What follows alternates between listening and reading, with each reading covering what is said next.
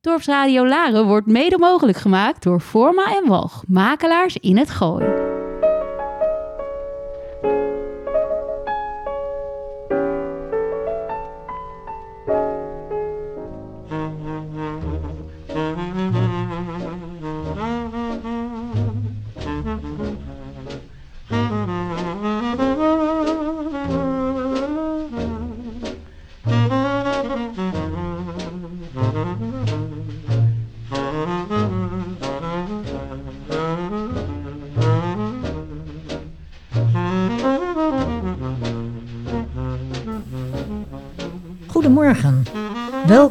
Bij Praatvogels, aflevering 11. Elke zondag om 11 uur vertellen wij u verhalen van Vreugde en verdriet. Leven en dood. Liefde en haat. Zin en onzin.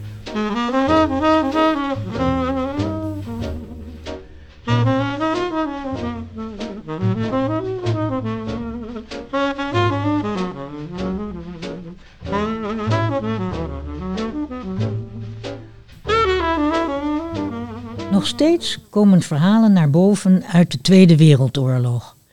Zo werd onlangs in een Duits archief een brief van tien kantjes gevonden, geschreven een maand na de bevrijding door een vader die met zijn vrouw en enige zoon ondergedoken heeft gezeten in de Aurorastraat in Utrecht.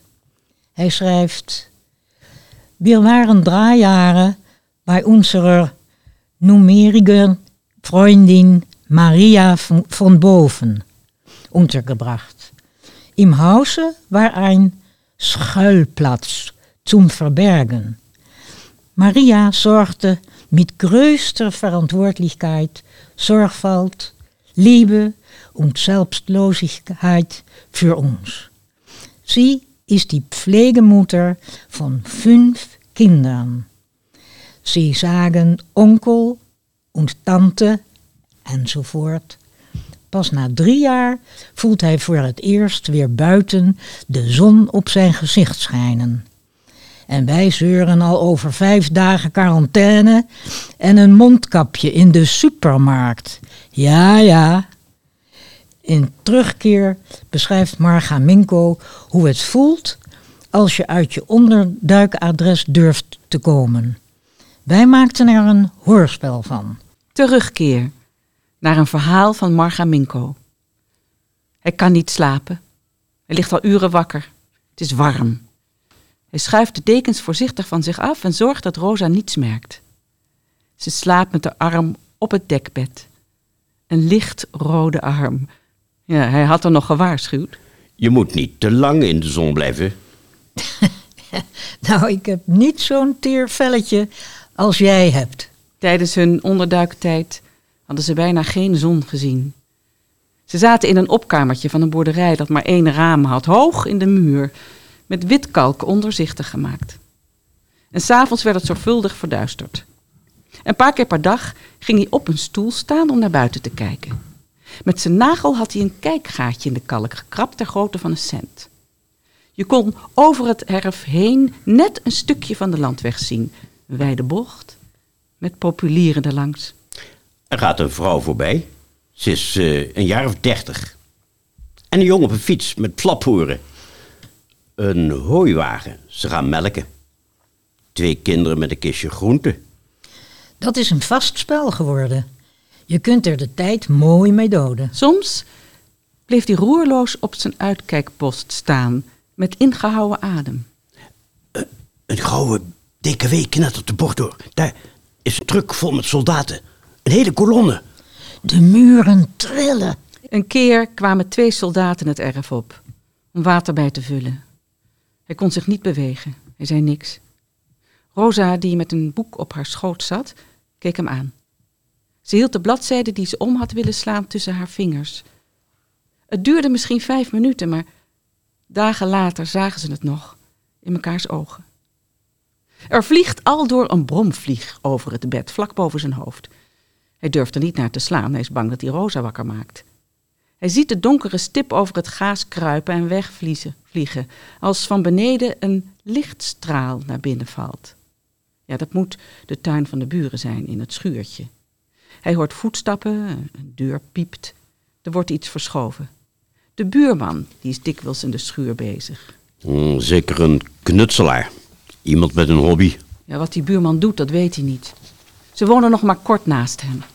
Rosa vindt het jammer dat de oude buren weg zijn. Want ze hield van de kleine kinderen die in hun tuin kwamen spelen. En die, als het slecht weer was, haalden ze ze binnen. Toen de nieuwe bewoners arriveerden, was het eerste wat ze zei... Ze hebben geen kinderen. De verhuiswagen kwam uit Den Haag. Hagenaars. Mensen uit de grote stad bemoeien zich niet met hun buren, dat zijn ze niet gewend. Rosa beweegt even. De grote lichtvlek in de kamer hindert hem. Maar als hij het gordijn voor het raam schuift, dan, dan wordt het te benauwd. De dag dat ze voor het eerst weer de straat op konden, was het drukkend warm geweest in hun schuilplaats. Het raam kon niet open. Kom, kom eruit! De boerin, die stond ineens midden in de kamer. Kom eruit, kom naar buiten. Het is niet waar. Rosa liet een kopje vallen. Ze sloeg de handen voor haar gezicht. Eh, Wat is niet waar? Wa- Wat is er? De Duitsers capituleren. Ik heb het net gehoord. Het is echt waar. Komen jullie toch gauw mee naar buiten? We waren natuurlijk op de hoogte van de opmars van de geallieerden. We wisten dat het elke dag gebeurd kon zijn. Maar nu het werkelijk zover is, schrik ik ervan. Wat moeten we doen? Ik wil naar buiten en ik wil niet naar buiten. Met kleine, stijve passen liepen ze de straat in. De oorlog is afgelopen. Je kan het zien aan de vlaggen die uit de ramen hangen, aan de mensen die oranje en rood-wit-blauw dragen. Een boerenkar vol joelende kinderen reed hen achterop. Gearmd, huiverend in de warme zon, met knipperende ogen wandelen ze de weg naar het dorp af. Hier lopen we nu, gewoon buiten. We kunnen gaan en staan waar we willen. Hij luisterde naar zijn eigen stem. Het was of hij in geen jaren hardop gesproken had. Waar gaan we naartoe? Oh, zomaar wat wandelen. Laten we het dorp gaan bekijken. Zijn we hier vroeger wel eens geweest? Nou, voor zover ik weet niet. De omgeving moet heel mooi zijn. Ja, ja, dat schijnt. Ze hadden er twee en een half jaar gezeten zonder er iets van te zien. Op een winteravond waren ze gekomen, naar een lange treinreis. Ze voelden zich in de coupé niet op hun gemak met hun valse persoonsbewijzen en hun zwijgzame begeleider. En op het kleine station waren zij de enigen die uitstapten. Hij had de plaatsnaam niet kunnen onderscheiden. En naar de boerderij was het nog een half uur lopen geweest over donkere landwegen. Ze hadden elkaar bij de hand moeten houden. Het is net of we nu met vakantie zijn. Ze was mager geworden. De huid was vaal. En door de donkere haar liepen brede grijze strepen. De schouders hingen naar voren. Dat had hij eigenlijk nog nooit van haar gezien. Kijk, een boekhandel. Zie je hoe mooi het hier is? Zal ik wat aanzichtkaarten kopen? Die daar onder elkaar voor het raam hangen? Hm, Ze zijn wel wat bruin en van voor de oorlog. Het lijkt of het er onwaarschijnlijk rustig is. ah, koop er een paar. Zal ik een mapje kopen? Hoeveel zitten er in een mapje? Oh, een stuk of twaalf, denk ik. Om te versturen bedoel je? Aan wie? Aan wie moeten we ze versturen? Het is voor jezelf, om te bewaren. Terwijl zij in de winkel was, bleef hij voor de etalage wachten. Hij zag zichzelf in de ruit. Oude man, in een slecht zittend pak. Het was hem veel te wijd geworden. Een man met dun haar, met zakken onder de ogen. Vermoeid van het niets doen, vermoeid van het wachten. Even uitrekken en diep ademhalen. Zijn hoofd kwam nu iets hoger uit de te ruime boer. Schouders naar achteren, armen strekken, voeten stevig op de grond. Zo, ik hoor het kraken. Sta je gymnastiek te doen? Ja, zo'n beetje, ja. Is wel nodig. Het heeft lang geduurd. Twee en een half jaar. Ja, het is net of het drie keer zo lang is geweest. Ah, het is nu toch afgelopen. De hand ging over zijn mouw. Kom, laten we ergens op een terras gaan zitten. In de zon. Hm, als ze iets te drinken hebben. Hier misschien nog wel.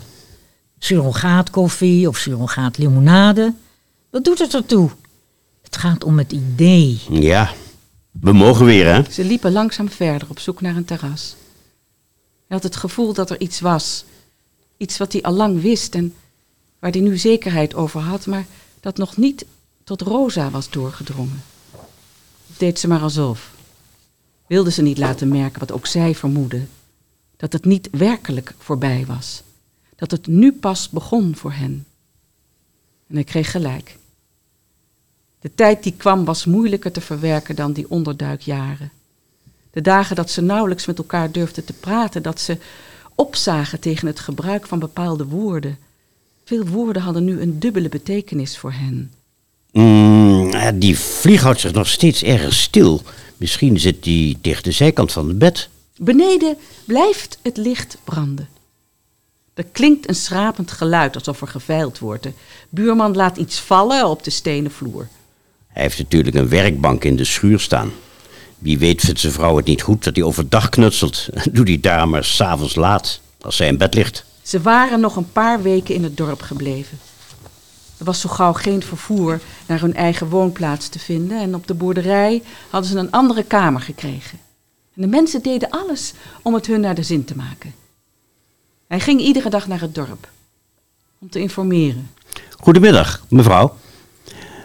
Kan ik al interlokaal bellen? Oh, en denkt u dat de post al functioneert? Meneer, u moet echt nog even geduld hebben. Er wordt hard gewerkt om alles weer op gang te brengen, hoor. Hij vouwt zijn handen onder zijn hoofd en hij strekt zich uit. Rosa beweegt onrustig in haar slaap. Zal ik nou toch maar uit bed gaan om het gordijn dicht te schuiven? Toen ze terugkwamen in hun eigen stad, bleken er drie gezinnen in hun huis te zitten. Ja, dan moeten we maar bij onze kennissen logeren. Ja, want een huis was niet gemakkelijk te krijgen. We kunnen kiezen tussen een tijdelijke inwoning tot er iets vrijkomt... of eh, die woning in Duivendrecht. Laten we het laatste kiezen. Het is wel een klein huis. Maar hoe moet dat nu met de slaapruimte als de kinderen er weer zijn? Hij wist daar niks op te zeggen. Ze had hem een tijd lang aangekeken. Wacht maar. Op een dag staan ze ineens voor ons. Jacques is nooit zo sterk geweest als Stella, maar hij redt het met zijn kop. En aan Stella hoeven we niet te twijfelen. Die is door en door getraind. Hij durfde niet op te kijken toen ze dat zei. Hij wist dat ze dat zelf ook niet geloofde. Ze zei het voor hem en, en om, om zichzelf wat wijs te maken, om iets van de spanning tussen hen weg te nemen of, of om gewoon één keer zijn namen te noemen. Gewoon. Zoals vroeger. Hij ging altijd kijken als Stella een wedstrijd moest spelen. Het was in de zomer voor de mobilisatie dat ze van een bekende Engelse tennisspeler gewonnen had. Dat meisje is formidabel. Zij is mijn dochter. Dan feliciteer ik u wel. Dank u. Dezelfde zomer had Jacques eindexamen gymnasium gedaan. En hij was daarna economie gaan studeren in Rotterdam. Ze kwamen niet terug. Ook de andere familieleden niet. De brieven van het Rode Kruis zeiden het definitief. Ze waren nog naar de lijsten gaan kijken die op het bureau ter inzage lagen. En met zijn vinger liep hij de kolommen langs.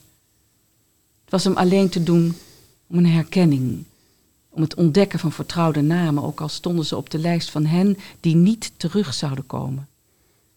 Van de vrij grote Joodse gemeente in hun woonplaats was er niets meer over. Maar de ontstane leegte oefende een aantrekkingskracht op hem uit, waar hij geen weerstand aan kon bieden. Hij ging er regelmatig met de bus heen. Ik moet weer gaan, Rosa. De orde op zaken stellen. Ja, natuurlijk moest hij weer aan zijn zaken denken. Vriends, die tijdens de bezetting de boel draaiende had gehouden, was al een paar maal bij hem geweest. En toen hij hoorde dat alles liep zoals het lopen moest, voelde hij zich min of meer overbodig. Een enkele keer ging hij naar kantoor. Hij aarzelde als hij de bus was uitgestapt. Hij zocht naar herkenningspunten, huizen, straten, winkels. De oude synagoge.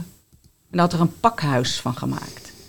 En het huis daarnaast, waar de rabbijn had gewoond, was een bedrijf gevestigd. De sabbatochtenden. De mannen met hun hoge hoeden. Het handenschudden bij de ingang.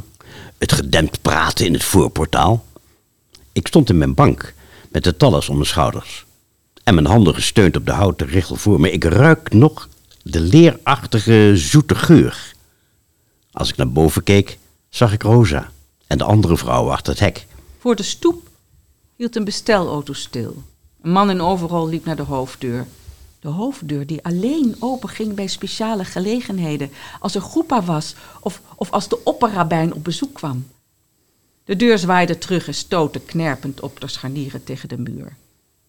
Hij keek langs de man heen naar binnen. De achterwand, waar de heilige arken had gestaan, lagen kratten opgestapeld. Soms als hij achter de synagoge moest zijn, hoorde hij de kinderen van de rabbijn spelen. Stella was er vaak bij geweest. Wanneer ze op de schommel zat, zag hij haar gezicht boven de muur uitkomen. Ze riep me en ik bleef staan wachten tot ze opnieuw de hoogte inging. Haar hoofdje met de wapperende haren ver naar voren. En dan wuifden we naar elkaar. Hij stapte het voorportaal in. En hij vroeg aan een van de mannen: Wat voor bedrijf zit hier eigenlijk in? Een groothandel in papierwaren van Resema. Is die er allang? Lang? Nou nee, een paar jaar. Vroeger was het een jodenkerk. Ah, ja, ja. Zoekt u iemand? Eh, nee, nee. Hij liep verder. De straat onder de toren door, waar het altijd waaide. Langs de textielstaal. Langs de textielzaak van Samson. Nu een fietsenwinkel. En de drogisterij van Meijer, die door een ander werd voortgezet. Hij ging naar binnen. Hebt u een rol pepermunt voor mij? Traag haalde hij zijn portemonnee voor de dag. Hij wilde de magere vrouw in een witte jasschort die hem hielp iets vragen. Maar ja, ze hield de hand al op. Hij had ineens moeite om het kleingeld te onderscheiden, alsof, alsof er iets in zijn oog zat en gaf er toen maar een gulden. Aarzelend verliet hij de winkel. Af en toe kwam die bekende tegen. Hé, hey, meneer Goldstein, u weer hier? Ja, Hoe is het met u? goed. Hoe is het met uw vrouw en uw kinderen? Het gaat goed met mijn vrouw. Ehm, de kinderen die... ehm, ehm, Hij schudde het hoofd. Er viel een stilte. En hoe is het met de andere familieleden? Opnieuw schudde hij zijn hoofd. Woont u nog steeds aan de Singel? we wonen niet meer in de stad, maar in Duivendrecht. We hebben het daar naar onze zin. Goed zo. Doet u de groet aan uw vrouw? Over de brug lag de singel.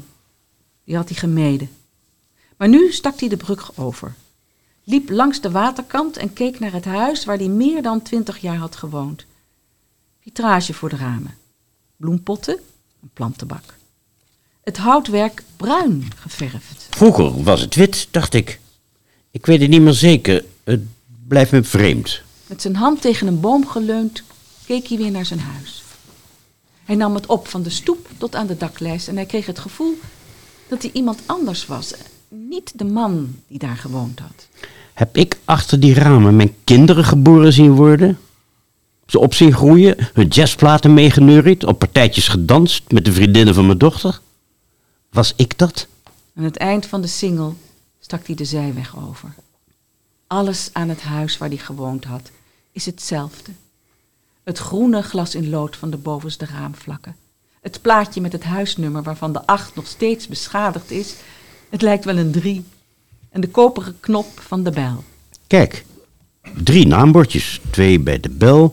Op het bovenste staat een W. Witgans. En eronder een kaartje geprikt. Drie maal bellen bij Doormans. En deze derde heeft zijn naamplaatje boven de brievenbus gezet. L. Spijking. Hm. Ken ze geen van drieën. Op de dag dat hij het laatst de deur achter zich dichttrok, had hij tegen Rosa gezegd: Binnen een jaar zijn we weer terug. Misschien wel eerder. Even nagaan hoor. Is het gas uit, de hoofdkraag afgesloten, zit het gangraam op, een, op de pin? Hm. Zal ik deze rol biscuit meenemen? Ah, of ik, niet? kom nou lieverd, we moeten gaan. Ze legden de rol biscuit terug in de trommel. En zonder om te kijken waren ze met hun begeleider de singel afgelopen naar het station. Hij had ook een paar keer het café op het marktplein bezocht, waar hij geregeld kwam er was ook niets veranderd. Alsjeblieft, meneer Goldstein, een kopje koffie. Zeg, hoe gaat het met uw vrouw en uw kinderen? Waar hebt u eigenlijk ondergedoken gezeten? En eh, hoe gaat het met de zaak? Altijd en overal dezelfde, dezelfde vragen. Zou ik nou op een dag iemand tegenkomen die mij iets anders te zeggen heeft? Iets waar ik de zin van zou begrijpen? Iemand met wie ik erover kan praten. Over de dingen die tussen Rosa en mij ongezegd blijven. Het eh, onderwerp dat we opzettelijk vermijden. Misschien is er in de Talmud een tekst te vinden die zou kunnen leiden naar het antwoord op het waarom. Het laat me niet los. En ik weet dat het me nooit meer los zal laten. Hij loopt het stadspark in, naar het kleine restaurant bij de vijver. Toen de kinderen nog klein waren, hadden ze hier heel vaak gezeten. Stella en Jacques gingen altijd meteen de speeltuin in. En nu waren er maar weinig kinderen. Ja, dan was een moeder met een wollen sjaal om de hoofd. Die zat op de stedenrand van de zandbak een sigaretje te roken. Meneer Goldstein, hoe is het met u? Wat heb ik u lang niet gezien? Mm, ehm, Visser, weet u wel? Ah. Ik was de muziekleraar van Stella en Jacques. ah ja, natuurlijk. Komt u even bij me zitten? Wilt u een kopje koffie? Ik heb vorige week nog aan u gedacht. Is dat niet toevallig? Ja, dat is toevallig, ja. Ik hoorde namelijk dat u niet meer aan de Singel woont. Nee, we wonen tegenwoordig in Duivendrecht. Geen onaardige plaats. Heel rustig. Dat zeiden ze meestal. Geen onaardige plaats. Maakt hem wrevelig. Hij proefde chauvinisme. Weet u nog dat u eens bij ons bent geweest? Toen ik met mijn leerling een huisconcert gaf. Uw zoon was zeer begaafd. Hij was mijn beste leerling. Mm, Ja, ja. Wij wonen nog in hetzelfde huis. Toen ik terugkwam, verbaasde het me een beetje dat mijn vrouw er nog zat. Hoezo? Bent u weg geweest? Ja? Wist u dat niet? Een jaar Vught. Een jaar in Boegenwald. Ja, zo gaat dat. Ze dronken hun koffie. Ze zwegen. Hij voelde de overeenkomst tussen deze stilte en die stilte bij hem thuis. Hoe, eh, hoe was het daar in Boegwald? Ik denk er zo min mogelijk aan terug. Dat probeer ik althans. Het is niet zo makkelijk. Zeg, ik moet weer eens gaan. Op de ronde brug zag hij een vrouw. Hij kon niet meer een andere kant op. En, nou ja, hij bereidde zich al voor op de vragen. Ze kwam naar hem toe. Ik dacht dat jij op kantoor zat. Rosa, wat doe jij hier? Dat zou ik jou ook kunnen vragen. Ben je hier al meer geweest? Een paar keer, maar niet lang. Ik moest altijd zorgen dat ik een bus eerder terug was dan jij. Heb je er behoefte aan om alles terug te zien? Soms. Dan loop ik even over de Singel, door de straten van de binnenstad. En dan stel je voor hoe het vroeger was. Ik probeer het te zien zoals het nu is. Waarom? Om het te vergelijken. Omdat we teruggekomen zijn. Omdat alles do- gewoon doorgaat. Jij bent verder dan ik. Of lijkt het maar zo? Ah, kom, zullen we samen de bus nemen? Ja, laten we dat maar doen. Ze gingen het park uit, naar de bushalte. En als iemand hen groette en wilde blijven staan, dan groetten ze terug, maar ze liepen door.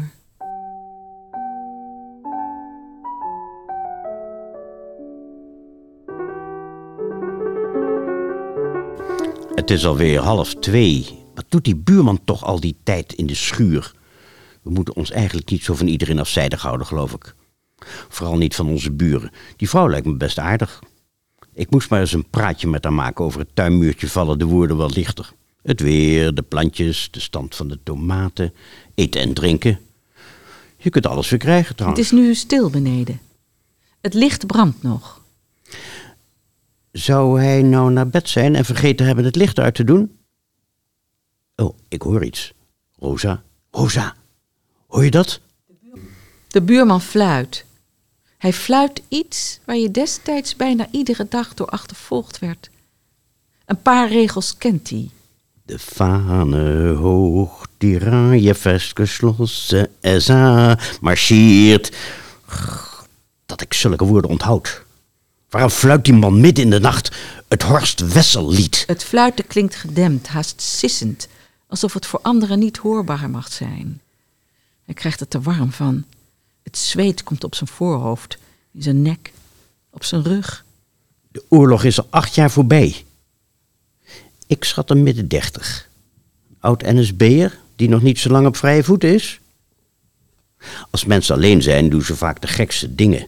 Als ze denken dat niemand ze ziet of hoort, trekken ze de gekke gezichten voor de spiegel, steken ze hun tong uit, dirigeren ze een onzichtbaar orkest, fluiten ze liedjes die geen mens meer wil horen. waarvan de melodie is blijven hangen. Ah, best mogelijk die man niet eens weet wat hij fluit. Hij kijkt naar zijn vrouw. Nee, gelukkig is ze niet wakker geworden. Hij moet proberen om in slaap te komen. Morgen, ja, morgen zou hij er nog eens een keertje over nadenken. Hij maakt zich druk om niets. Maar wat, wat doet het ertoe? Niets verandert er meer door. En in de tuin gaat nu eindelijk het licht uit. Het fluiten houdt nog even aan.